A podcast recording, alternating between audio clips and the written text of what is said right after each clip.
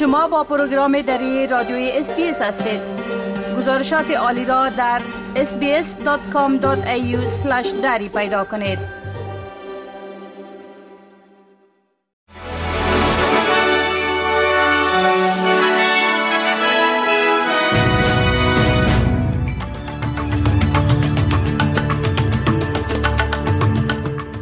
با عرض سلام ما صاحب شکیب شما را به شنیدن مهمترین اخبار امروز 29 ماه سپتامبر سال 2023 دعوت می کنم.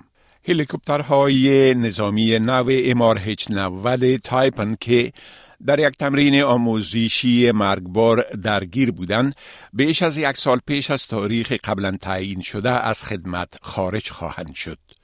ریچارد مالز وزیر دفاع استرالیا تایید کرد که هلیکوپترهای امار هیچ 90 تایپن به حیث بخش از عملیات نیروی دفاعی این کشور به پرواز بر نخواهند گشت. قرار بود این هلیکوپترها در دسامبر سال 2024 از خدمت خارج شوند. موقف های برتر استرالیا در آخرین درجه بندی جهانی کاهش یافته است. درجه بندی جهانی تحصیلات عالی تایمز برای سال 2024 نشان می دهد که درجه اکثر ده پوهنتون برتر استرالیا پایین آمده و در پینجا پوهنتون برتر تنها یک پوهنتون و در یکصد پوهنتون برتر شش پوهنتون استرالیایی باقی مانده. شمار معدودی از معترضان تغییر اقلیم رسم گذشت سالانه بازیکنان در روز قبل از مسابقه نهایی فوتبال استرالیایی AFL معروف به Grand Final Parade را با دراز کشیدن بر سرک در جلو موتر حامل جام قهرمانی مختل کردند. سه معترض مربوط نهاد Extinction Rebellion در حالی که پیراهنهای با شعار نمی‌توان در حرارت 50 درجه فوتبال بازی کرد را پوشیده بودند این راهپیمایی بازیکنان را تقریبا در نیمه راه مسدود کردند.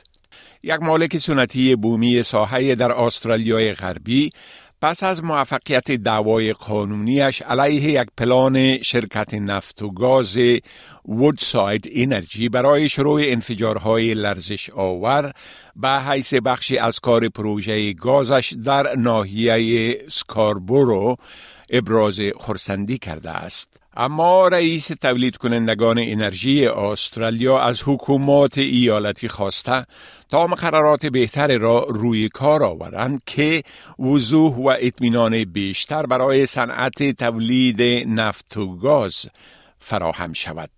پاکستان می‌گوید که همه مهاجرین افغان و اتباع کشورهای دیگر را که به صورت غیر قانونی در آن کشور زندگی می کنند به زور اخراج خواهد کرد. جلیل عباس جیلانی سرپرست وزارت خارجه پاکستان دیروز ضمن اعلام این تصمیم حکومت پاکستان گفت مهاجرین ثبت شده افغان و کسانی که طور قانونی در پاکستان به سر می‌برند از این اقدام متاثر نخواهند شد.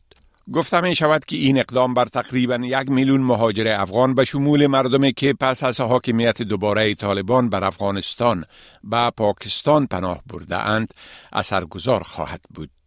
زمیر کابلوف نماینده خاص رئیس جمهور روسیه برای افغانستان گفته که روسیه ممکن در آینده حکومت طالبان را به رسمیت بشناسد به شرط این که آنها شرایط کسب مشروعیت را که تشکیل حکومت فراگیر قومی سیاسی است برآورده بسازند.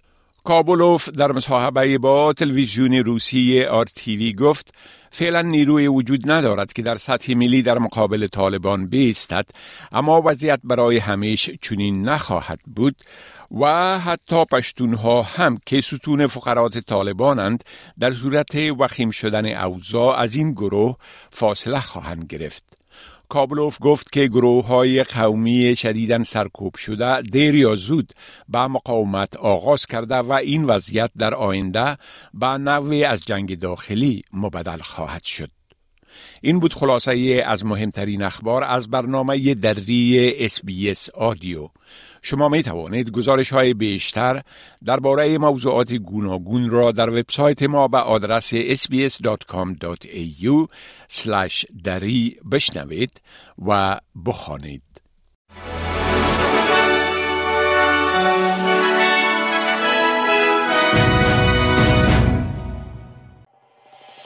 می خواهید این گونه گزارش ها را بیشتر بشنوید؟